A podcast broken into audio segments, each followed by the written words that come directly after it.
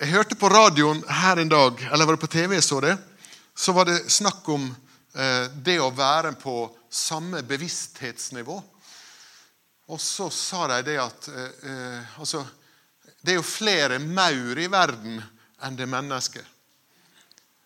Men maurene vet jo ikke om oss. For de er ikke på samme bevissthetsnivå som oss. Henger du med? Og Mauren og makken i Moll vet jo ikke om oss og bryr seg ikke om oss. De er på et annet bevissthetsnivå. Og så tenkte jeg ok, hva slags bevissthetsnivå ønsker Gud at jeg skal være på?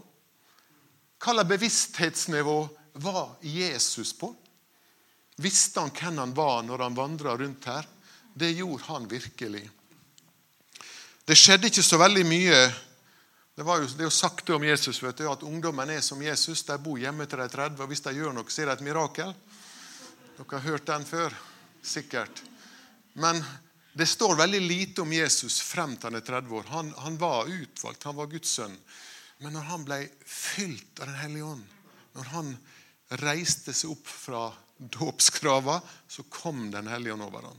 Da eksploderer jo tjenesten til Jesus. Men det vi også ser, er at det blir umiddelbart en prøvelse. For det han er i ørkenen, og der blir jo han testa til det ytterste. Så det å bli fylt av Guds kraft, det er også det er utrustning som skal prøves, og det vil røyne på. Men eh, du blir på et bevissthetsnivå med Den hellige ånd. Du er ikke bevissthetsnivå på alt som skjer i media, for det må ikke ta oss. Forstår dere? For det, Hvordan skal vi da lytte til hva Den hellige ånd sier inn i vår tid? Hvordan skal jeg ha en stemme inn i vår tid uten at Den hellige ånd får tale til meg? Når jeg er sammen med mennesket, og når jeg står på talerstolen. Han sa jo det den hellige ånd skal være med dere, han skal være i dere. Han skal minne dere om alt jeg har sagt dere. Og så står det at han går i forbønn for oss med sukk som ikke rommes i ord. Og det skjønner jeg godt, fordi at når jeg er labil og nede, så, så er Den hellige ånd så nær meg. Han er min venn. Og han går inn for Guds trone og sier åh, nå har ikke han videre det stritt. Nå er han kluring, som han sa han han Tore til meg i. Nå er han godt klur inn og trenger han hjelp. Men han går i forbønn for meg med sukk som ikke rommes i ord. Forstår du? Og tenk deg for et bevissthetsnivå det er, da. At vi får leve der. Og jeg tror at Den hellige ånd ønsker å tale mye mer til oss enn det vi aner. Og, og jeg tror den største årsaken er det at jeg med mitt sinn ikke tror han kan det. Fordi at gjerne jeg fordømmer meg sjøl. Men det må vi kaste vekk. For han vil så gjerne hjelpe oss. Så Jesus han vandra i en kontinuerlig bevissthet. Han, han, sa 'Jeg gjør det. Min far viser meg.' Og så var det kvittert ut med kraft med Den hellige ånd. Og så står det at 'som han er, er vi i denne verden'. Det er ganske fantastisk. Så jeg tenker Det er jo samme oppskrifta. Hvis jeg vil vite hva Gud du ønsker jeg gjør denne dagen her, så er det bra for meg å bruke den halvtimen, timen hver morgen hvis de har mulighet for det. Og det har de som ofte sist det bare står opp tidlig nok. Og det skjer når du er 58 år. Da våkner du litt tidligere enn ellers. Men da kan jeg tune min. Helligånd, hva er det du ønsker jeg skal gjøre i dag? Og så har jeg som prinsipp når jeg kommer på et kjøpesenter, en butikk eller samme hvor jeg er, når jeg går inn der, så sier jeg, Gode Helligånd, vær med meg nå. La jeg møte bare de jeg skal møte, og ingen andre. For jeg vet jeg kan møte noen som tar livet av meg med prat. Og de jeg møter, la jeg få bety en forskjell for dem. Helligånd, led meg i den samtalen. Og det er fantastisk mye bra som kan skje da, skal jeg si dere. Han er der med. Det er klart at Jesus er interessert i det. Han vil være på mitt bevissthetsnivå. Amen. Men nå skal vi gå inn i Skrifta. Nå skal jeg lese uten briller. Det er ikke alle som kan. Og så har jeg laga til masse lapper. Skal vi se. Der er han. Johannes 12. Skal vi slå opp der? Vi leser fra en ekte bibel. Johannes 12. Nå er det ei mor som er savna her. Der går far istedenfor. Han har skjønt det. Det er bra, bra forbilde. Nå skal vi lese dette. er en kjent eh, historie. Og Jesus han er selvfølgelig i Den hellige ånd. Han er sammen med mennesker, og han deler liv. Han er en som avslører, han er en som setter på plass. Og han er god, han er omtenksom, han er kjærlig. Så står det seks dager før påske. Det er vers 1 i Johannes 12. Seks dager før påske kom Jesus til Betania, der Lasarus bodde. Han som hadde vært død, og som han hadde vekket opp fra de døde. Kan du tenke deg å sitte og spise med et forhenværende lik? Det er gøy. 'Å ja, det er du, ja. Var ikke du dau?' Jo, det er riktig. Ja, Hvor lenge var du død? Eh, fire dager. Ja. Og det stinker av ham allerede, sa de når de sto utenfor grava. Jeg leste en plass at jødene lærer og lærte at eh, Du vet, det går an å være skinndød. Du kan ha puls, og du kan ha eh, pust uten at det nesten er merkbart. Så jødene lærte det at et menneske skal ikke erklæres død. Altså, De var jo snar med å begrave folk. Men du, de, de regna med at du kunne leve opp igjen etter tre dager. For det står at Jesus han fikk beskjed han, om at Lasarus, din venn, er sjuk. Og så sier Jesus ja, men vi venter litt med det. Så hvor lenge venta Jesus? Han venta fire dager. Fordi han visste at jødene kunne bruke det mot ham. Nei, det var ikke ekte saker. Fire dager var han død. I varmen. Og det stinker av ham allerede. Kan du tenke deg for en gjenopprettelse? Kan du tenke det? Tenk til alle celler, tenk til alle organer. Tenk til hjertet, tenk til lunge, tenk på lever, tenk på magen. Alt ble bare gjenskapt når Jesus ropte 'Lasarus, kom ut'. Står det videre, Der lagde de et festmåltid for ham. Altså det var for Jesus, da. Martha vartet opp, mens Lasarus var en av dem som satt til bords med ham. Da tok Maria et pund meget kostbar olje av nardus, salvet Jesu føtter og tørket dem med håret sitt, og huset ble fylt av duften av salveoljen. Det var ei årslønn den eh, nardussalva kosta. For en blikkenslager blir det ca. 100 000.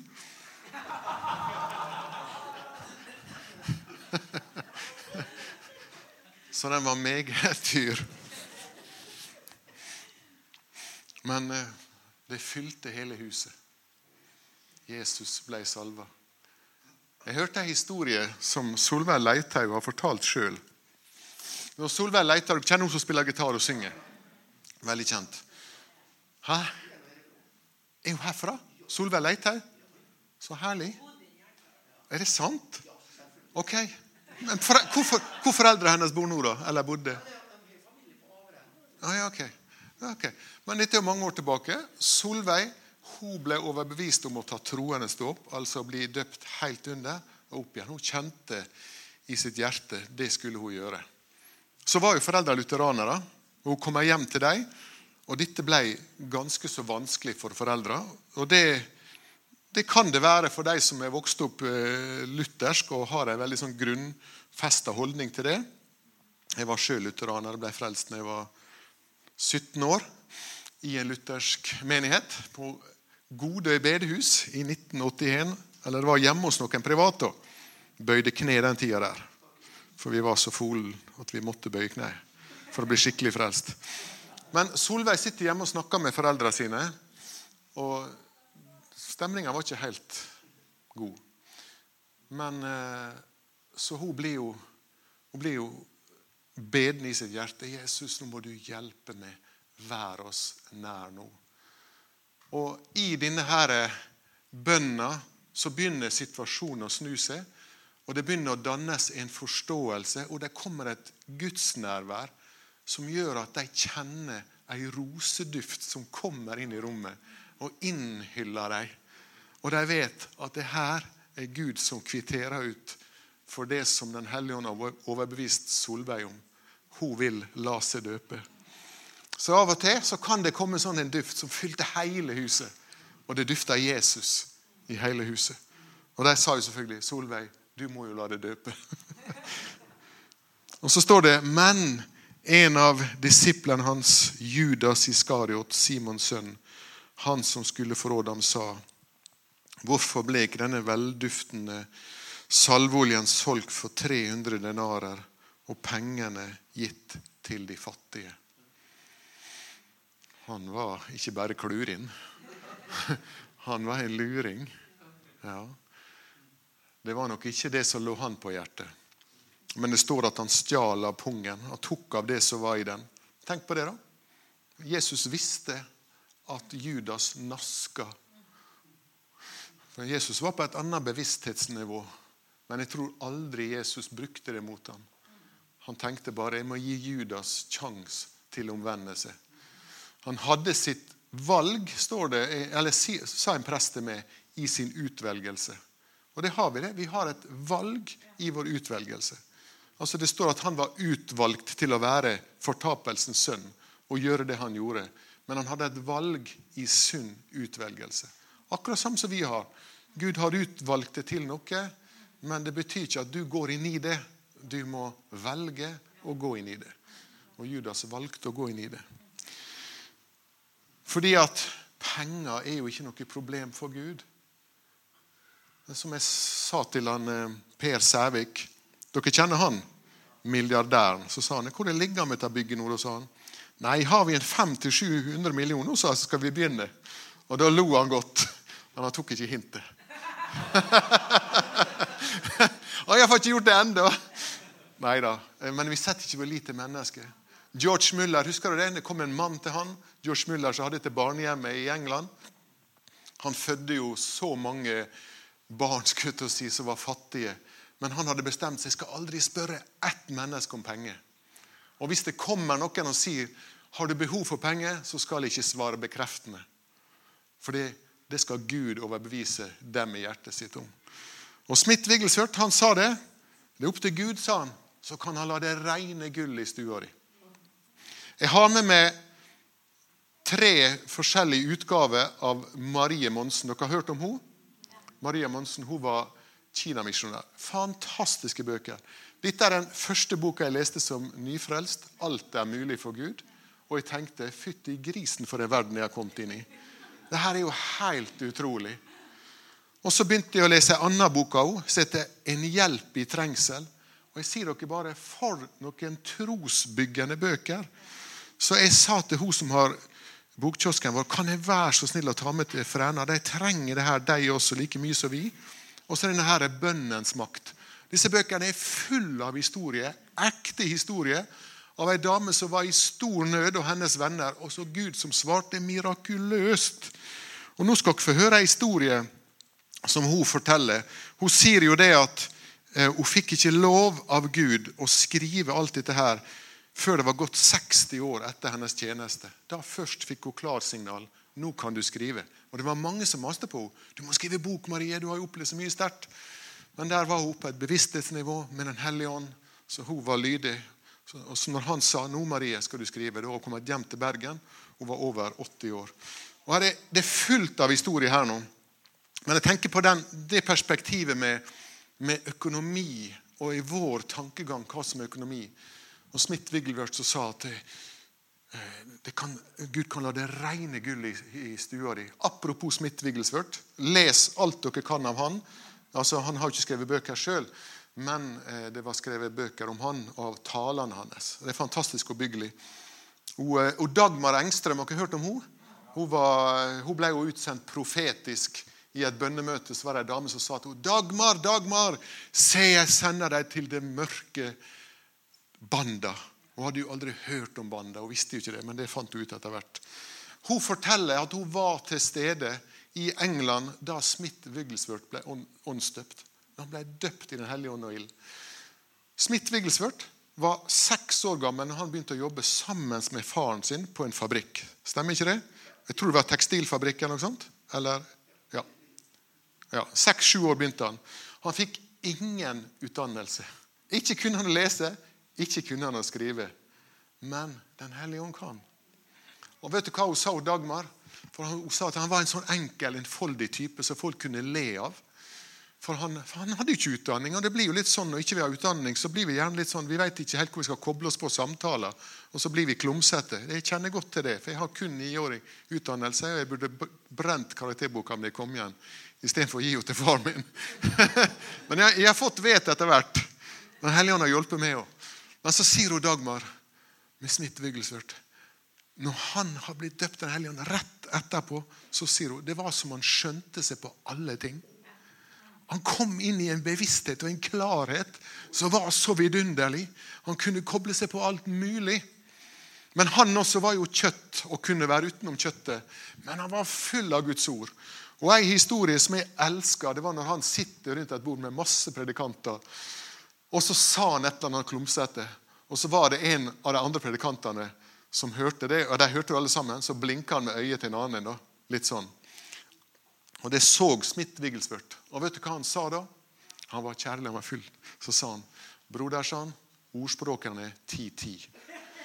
Og han ja, skjønte jo ingenting. Så gikk han hjem, og så slo han opp. Og der står det 'Den som blunker med øyet, volder skade'. Smith var snill med ham. Han sa ikke det der og da. For Smith han var på et bevissthet med ydmykhet ved Den hellige ånds kraft og nåde. Marie Monsen forteller Hør nå, da. Dette er fra Finland. Visste dere at Finland hadde gullmynter på 1800-tallet helt frem til 1913? For de sto under den russiske imperiet. Det visste dere kanskje. Før det så var det svenskene.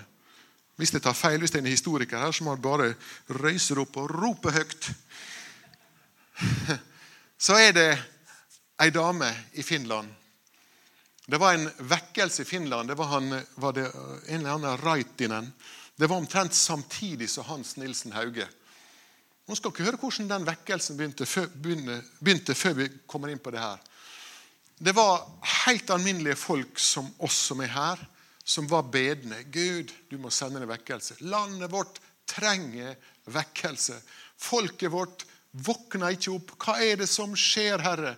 Hvorfor er det tomme stoler på bedehusene våre? Gud, du må svare oss. Men vet, Gud svarer aldri sånn som vi tenker, men han svarer sånn som Den hellige ånd eventuelt inspirerer det til å tenke. Sånn svarer han. Men da må du vite at Den hellige ånd som gjør det. Så går disse her folka Det var høstarbeidere. De er ute på marka og slår. Og De går og bærer dette i hjertet sitt, og de synger og nynner.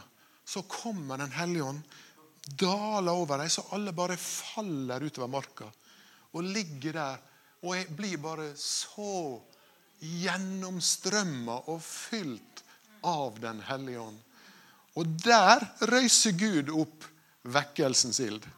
Fordi, som Paulus sa, det var ikke klokt uttenkte tanker jeg kom til dere, men jeg kom i krafts og sindig Nei, jeg kom i krafts og Nei ånds ja. Åndskraftsbevis kom jeg til dere. Det er forskjellen. Denne bedusdama Gud la på hennes hjerte. Hun kom på et bevissthetsnivå med Den hellige ånd. Hun levde med Den hellige ånd. Så talte han til henne du skal bygge et bedehus. Og Det ble så overbevisende tydelig for at hun var ikke i tvil om at Gud hadde talt til henne. Du skal bygge et bedehus. Men jeg har ikke penger, Gud. Du skal bygge et bedehus.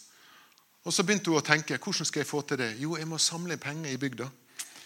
Så hun eh, hadde ei skoeske som hun da samla sine egne penger i, og bygdas penger i.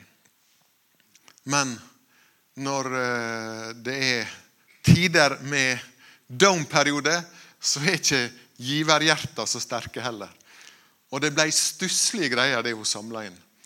Men det som var det som var tingen, det var at eh, hun hadde fått en byggmester til å ta på seg og bygge hele bedehuset nøkkelferdig, klar til møte. Og han skulle ikke ha pengene før den dagen det var ferdigbygd. Han skulle ikke ha konto, sånn som vi blikkenslagerne sender. altså Vi sender regning underveis. Men han bygde bedehuset ferdig. Og Hun gikk og så på dette bedehuset. Hun ba hun sa Gud, du har jo lovt det. Og hun ble tvilende. For hun hadde jo ikke penger. Hun hadde ikke penger til inngangsdøra engang. Og Hun gikk og kikka i den skoeska. Det var jo ingenting mer enn til utslagsvasken. Og Så kommer den dagen da hun vet nå er bedehuset ferdig. Så går hun og roper og ber til Gud. Hun vet at det er tomt. Så går hun og kikker i eska. Så ser hun plutselig er det kommet en del gullmynter i den boksa. Ingen har vært i huset hennes. Og Så begynner hun å telle over dem. Men så tenker hun det er jo ikke nok, gode Gud. Og Hun blir fortvila igjen, og hun roper og ber. Hun skjønner at Gud har gjort noe. Og Så banker snekkeren på, og så sier han, 'Hei sann, her er jeg.' Og nå er jeg kommet for å hente betalinga. Bedehuset er ferdig, som avtalt. Og hun blir bare så fortvila, for hun vet hun har ikke nok. Men hun går og henter eska, så hun sier til Gud, 'Jeg får nå bare gi han det som er her', da. Så hun åpner eska og gir han, og der har Gud fylt med gullpenger nok til å betale hele bedehuset. Dette er Marie Monsen som forteller. Jeg vet ikke om den fortellinga står i denne, en av disse bøkene her. Det er mulig den står i, i denne andre boka, at uh, uh, vekkelsen var en åndens aksjon. Husker du den? Der er mulig den står. Men uansett, Gud kan la det regne gull i stua di, sa Smith Wigglesworth. Og det gjorde det til den bedehusdama. Er ikke det fantastisk? Så går vi videre til vers 6. Eh, da var jo det da Judas. Dette sa han ikke fordi han brydde seg om de fattige, men fordi han var en tyv og hadde pengekassen. Han tok stadig av det som ble lagt i den. Dere har hørt om hun jenta på evangeliesenteret som sto og vitna. Og så sa hun at jeg opplever så sterkt sa hun, at Gud gjør så sterke ting i livet mitt til med helliggjørelse, for nå stjeler jeg mye mindre enn jeg gjorde før. Jeg vet ikke om Judas kom der. Men det er fantastisk. Skal vi lese to vers til? Men Jesus sa, 'La henne være i fred'. Hun har gjemt denne oljen til dagen for min gravferd. De fattige har dere alltid hos dere, men meg har dere ikke alltid. Fantastisk. For Jesus måtte jo forlate dem en dag. Vi kjenner jo til det.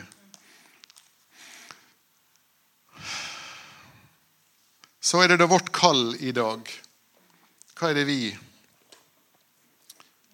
kan bidra med i vår verden i 2022? Hva er det Jesus kaller oss til i dag? På hvilket bevissthetsnivå vil vi være? uh, Efeserne 4, så står det fra vers 31 til 32. Jeg tenker det her er så viktig for oss å tenke på. Vi kan, vi kan lese fra uh, Vi kan lese fra vers 25, tror jeg. Da står det da at uh, Efesene 4, 25 og ut. Det er jo en oppdragelse. Så sier han, legg derfor bort løgn. Og hver av dere skal tale sannhet med sin neste, for vi er hverandres lemmer. Blir dere vred, så synd ikke. Altså, Han sier jo det er lov å bli litt sint, men ikke synd, da. La ikke solen gå ned over deres vrede. Gi heller ikke djevelen rom. Som han sa en kamerat av meg, gi han heller cola. Rom og cola.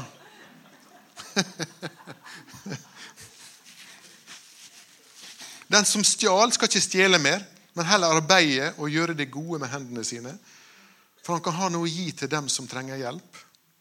La ikke et eneste råttent ord komme ut fra deres munn, men bare ord som er gode til nødvendig oppbyggelse, for at ordene kan gi nåde til dem som hører på. Vi trenger nåde, dere. Og gjør ikke Guds hellige ånds sorg, han som dere ble beseglet med til forløsningens dag. La all bitterhet og vrede og sinne og skrik og ond tale være langt borte fra dere, sammen med all ondskap. Vær gode mot hverandre. Vær barmhjertige og tilgi hverandre. slik Gud har tilgitt dere i Kristus. Amen. Jeg leste senest en historie i går om to naboer. Og Han ene han fylte 70 år og skulle feire dagen. Men de var ikke gode venner, disse karene. Men det var jo helt på sin plass og vanlig å heise flagg for naboen når han hadde bursdag. Så han som da hadde bursdag, han hadde heist på, flegg, på, på full stang, ikke på halv stang. Men han naboen som han lå litt i krangel med, der var det blank flaggstang. Så kona hans sa har ikke du tenkt å heise flagget. Jo, sa han, jeg har tenkt å heise det lite grann.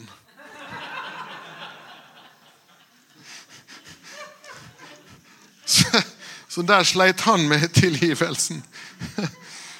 I, i Filippenserne 4-5 så står det La deres milde sinnelag bli kjent for alle mennesker. Herren er nær. Det er bevissthetsnivået med Den hellige ånd. At våre milde sinnelag skal bli kjent for alle mennesker. Det er klart det er jo ikke lett, det, men Paulus sier det så langt det står til dere, så hold fred med alle mennesker. Og tenkte jeg, da, da gjør jeg det. Da gjør jeg så langt jeg kan og holder fred. Om det så er å kjøpe ei bløtkake til ei nebbete nabokjerring, så gjør jeg det, da. Så har jeg iallfall gjort mitt. Så får du gjøre resten, Gud. I Hebreerne 10, 14 så står det så vakkert.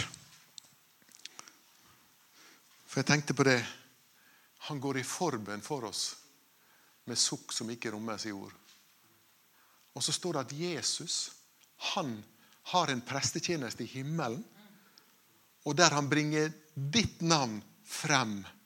Og så sier han, 'Nå ser du Gurine si utfordring, Herre.' Nei, Gud, må du hjelpe henne. Så står det i vers 14-18.: For ved ett offer har han for all evighet gjort dem fullkomne som blir helliget. Fantastisk. Han ber for oss. Han ga sitt blod for oss, og han har helliga oss. Tenk på det, da. Fullkomne. Men Den hellige ånd vitner også om dette for oss. For etter at han tidligere hadde sagt pakt, dette er pakten jeg vil opprette med dem etter de dager, sier Herren. Jeg vil legge mine lover i deres hjerter. Vet du hva det verste jeg ser?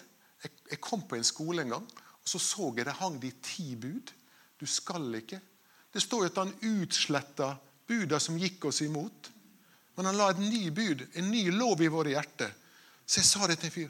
Nå må jo ta vekk dette. Der må det stå For så høyt har Gud elsket verden, at han ga sin sønn den eneste, for at hver den som tror på han, ikke skal gå fortapt, men ha evig liv. Det er jo det barna må få se.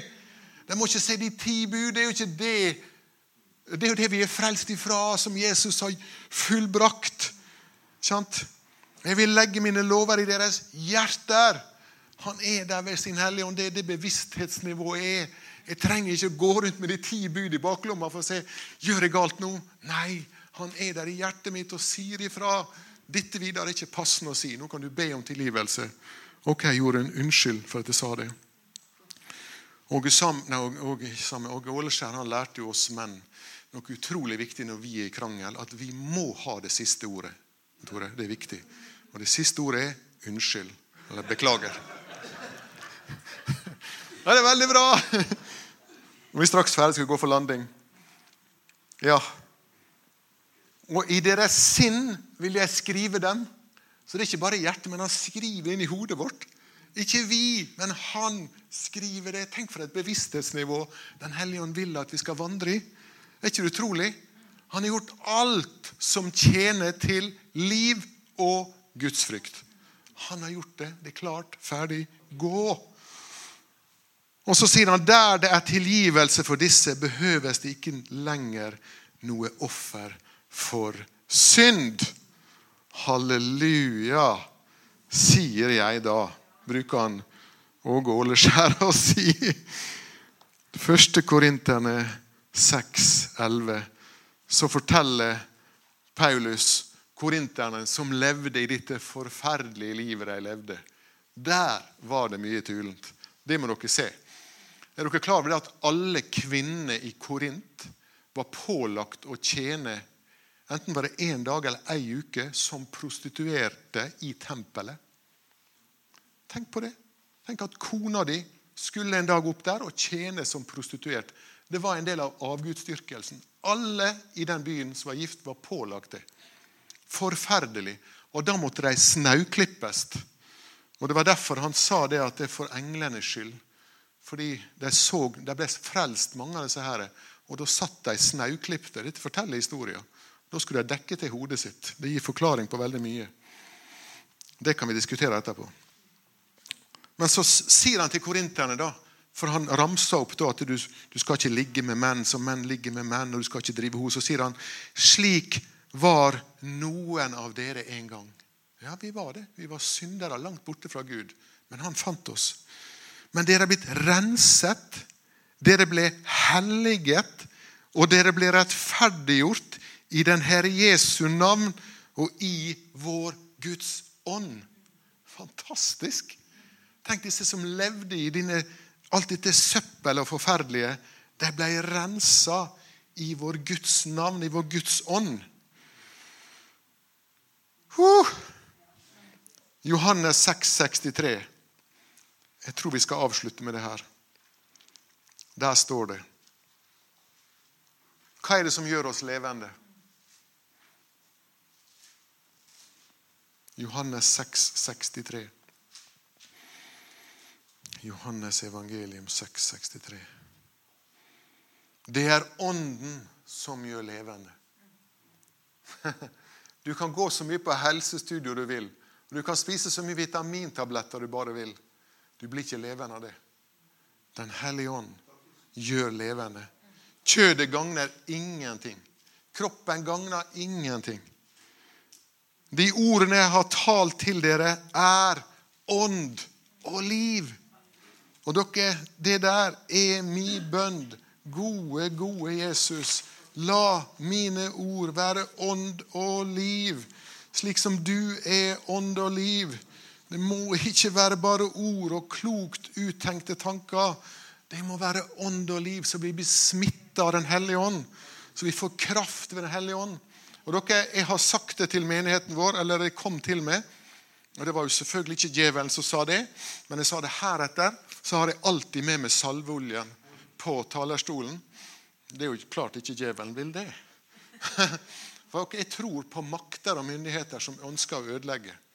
Jeg skal si dere en ting, at hekseri og åndemanere er sterkere enn noen gang har vært. Og vi vet fra hekser som er blitt frelst, at de oppsøker menigheter og sitter der for å binde åndene, for at det ikke skal bli liv og kraft i menighetene.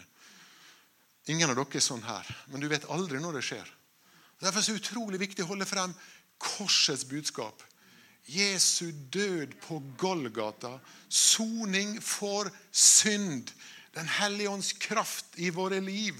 At han helbreder, at han setter fri, og at han døper i Den hellige ånd. Og at han kommer igjen for å hente oss en dag. Det må vi forkynne med all frimodighet. Og vi må lovsynge så herlig som du gjorde. Hva han heter Hæ? Edvard. Edvard, Du har en fantastisk stemme. Du skulle jo spilt inn uh, Skulle vært i Hollywood, du. Fantastisk fyr. Lykke til, nordafor. Men dere, det må vi gjøre i møtene våre. Vi må proklamere, vi må be, og vi må ta imot det Den hellige ånd har å gi oss. Edvard, kan ikke du komme og klimpe litt på gitaren, så reiser vi oss alle sammen. Dere, Og så er vi her. Det er Jesus som fyller med Den hellige ånd. Det er Jesus som helbreder. Det er Jesus som renser fra synd. Og det er han som tar bort frykt og skam. For du har ingenting å skamme deg over. Så lenge du er skjult i Kristus, så er dine synder kasta i glemselens hav. Og der står det et kjempestort skilt. Hva står det? Fisking forbudt! Så dere, jeg har tro på å salve og be for det. Og hvis du har en eller annen slektning, noen som er syk, har du en, eh, en, eh, en Hva det heter Snyteduk. Lommetørkle. Så kan vi dynke det med olje, så skal vi be for det. Så kan du legge det inn i puta, under senga. Du kan lure det inn der du vil. Det er en som er alkoholiker. Og så skal Jesus, skal troens bønn, skal reise den syke opp. Det står at troen skal hjelpe den syke. Troens bønn. Husker du det står om Saul? Det står det er Saul også blant profetene. Så sa profeten til ham, du skal bli et annet menneske. For Den hellige ånd skal komme over deg.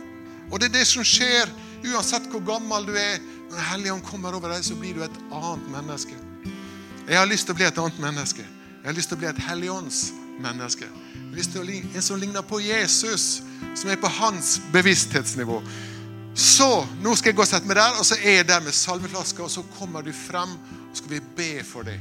Og hvis du vil at jeg skal salve og be for en salveduk, så gjør vi det. Troens bønn skal hjelpe den syke. Gud velsigne deg.